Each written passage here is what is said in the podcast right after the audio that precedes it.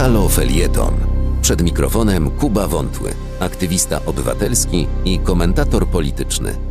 Ilekroć przypatruję się na naszej rzeczywistości, tylekroć dochodzę do wniosku, że w dobrym kierunku nie idziemy. No ale to już Państwo wiecie, nie od dziś zresztą.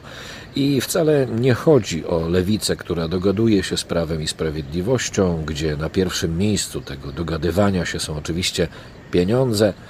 Nie chodzi też o prezydenta, który podczas oficjalnego powitania przez Erdogana, prezydenta Turcji, pokazuje kciuk do góry. Co to ma wspólnego z całą konwencją dyplomatyczną? Nie za bardzo wiem, ale pewnie dyplomatą nie jestem.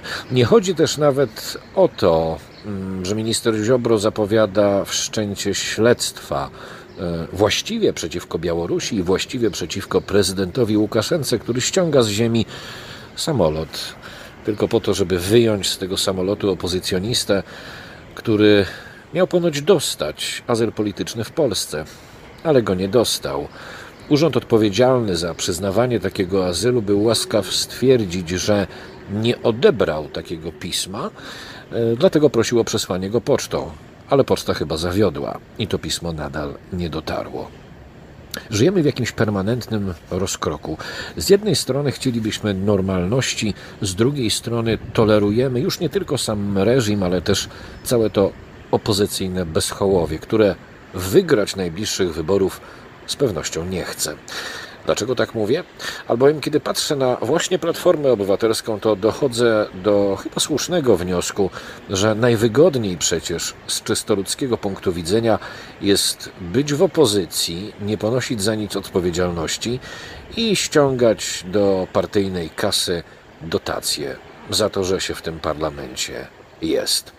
Nikt oczywiście nie kwapi się do władzy, chociażby z tego powodu, iż ten każdy nikt wie, że pieniądze, które przyjdą z Europy w ramach bezzwrotnej pomocy i pożyczki, zostaną rozłupione przez prawo i sprawiedliwość. W jaki sposób? Ano w taki, żeby utrzymać się u władzy.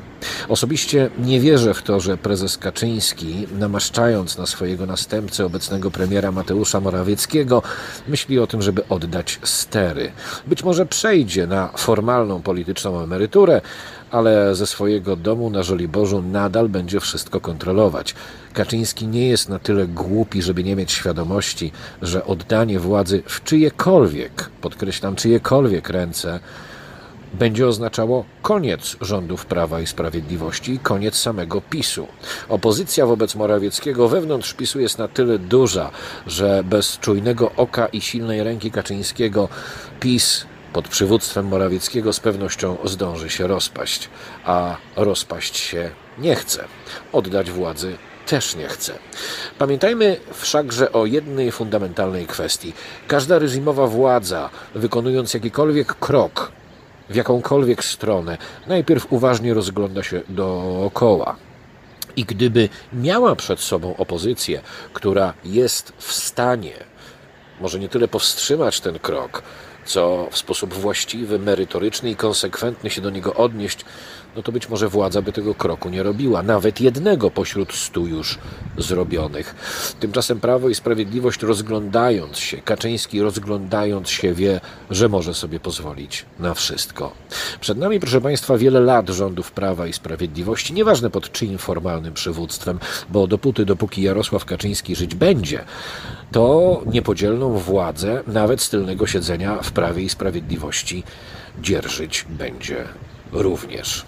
A skoro Prawo i Sprawiedliwość przed nami, to pamiętajmy, że Polska to taki zalany betonem wulkan betonem, który zaczyna pękać, a pod tym pękającym betonem mamy szereg tego wszystkiego, czego powinniśmy się wstydzić.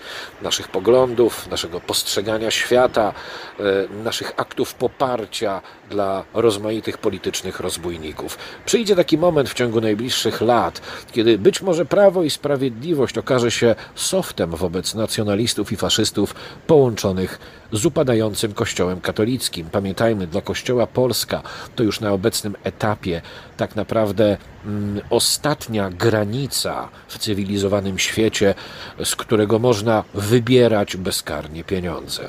Nacjonaliści i faszyści w połączeniu z tym Kościołem, który jest i będzie w defensywie, w pewnym momencie połączą swoje siły i w pewnym momencie nastanie nam Gilead.pl.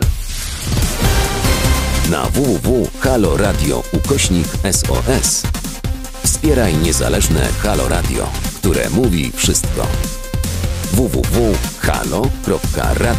ukośnik SOS Dziękujemy.